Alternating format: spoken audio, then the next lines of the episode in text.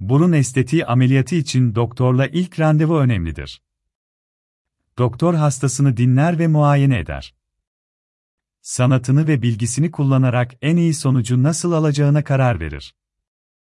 Bu bilgileri hastasıyla paylaşır. Bu yazıda, ilk muayeneden itibaren taburcu oluncaya kadar olacakları, aslında olmayan, örnek bir hasta üzerinden anlatmaya çalışacağım. Kolay okunması için diyalog tarzında kaleme alıyorum. Burun estetiği ameliyatı nasıl yapılır?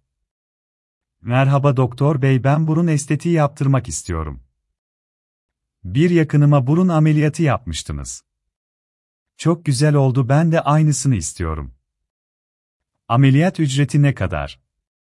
Telefonla ücreti öğrenemedim. Sitenizde de yoktu. Aynısını yapmak doğru olmaz çünkü yüz ve burun yapılarınız çok farklı. Ona yakışan size yakışmayabilir. Ücret konusunu isterseniz sonra konuşalım. Önce sizi tanımak isterim. Şikayetleriniz neler? Burnumu hiç beğenmiyorum. Burnum eğik. Resimlerde hiç hoş çıkmıyor. Üstünde kemer denen çıkıntı var. Cu aşağı doğru. Ben kalkık istiyorum ama fazla değil. Delikleri fazla görünmesin. Bir de burnun küçülsün.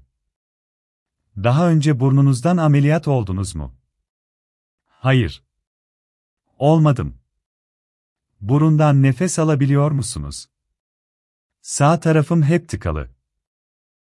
Doktor bey aklıma gelmişken daha önce yaptığınız ameliyatları internet sitenizde ve Instagram hesabınızda göremedim. Hastalarımın ameliyattan öncesi sonrası fotoğraflarını internette yayınlamıyorum. Sizinkileri de yayınlamayacağım. Estetik cerrahi dernekleri, tabip odaları ve kanunlarımız da yayınlanmasını yasaklamaktalar. Şimdi isterseniz muayene yapalım. Karşıma oturun. Ben gördüğüm problemleri ve nasıl düzeltebileceğimizi anlatayım. Olur doktor bey. Yakından bakınca daha iyi fark ettim. Yanak kemikleriniz ve çene ucunuz fazla gelişmemiş. Yüzünüz geride kalınca burnunuz gerçekte olduğundan daha büyükmüş gibi görünüyor. Aslında burnunuz fazla büyük değil. Ne yapmak lazım? Burun ameliyatınızdan sonra çene ucunuza ve yanaklarınıza dolgu ya da implant konusunu etraflıca değerlendirebiliriz. Ama şimdi biz yeniden burnunuza odaklanalım. Dudaklarınız aralarsanız dişlerinizi görmek istiyorum. Dişlerim de problemli. Burundan sonra onları da yaptırmayı düşünüyorum. Alt çenede diş orta hattınızın biraz sağda olduğunu görüyorum. Simetrik yüz aşırı nadir görülür. Dikkatli baktığımızda yüzümüzün yarısının diğer yarısından daha küçük olduğunu görürüz. Sizin sağ yanağınız hafifçe küçük olduğundan çeneniz de hafifçe sağda.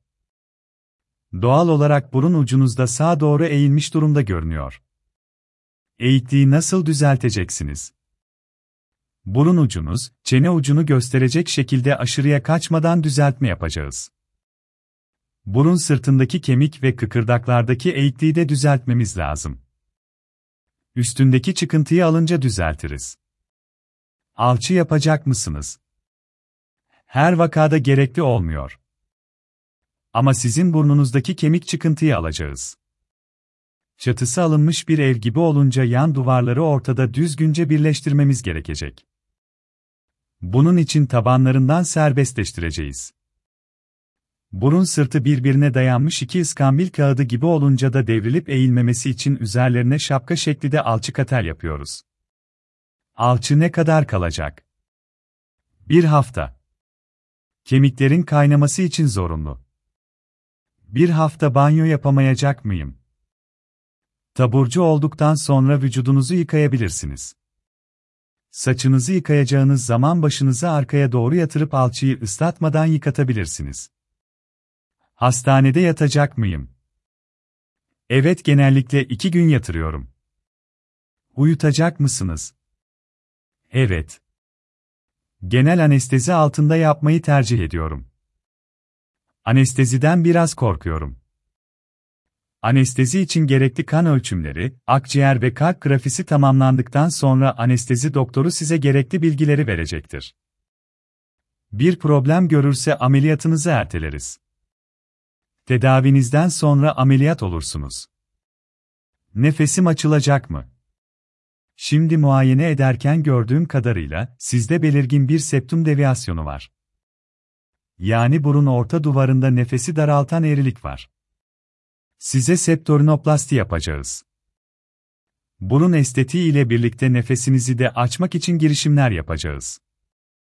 Açık mı kapalı mı olacak?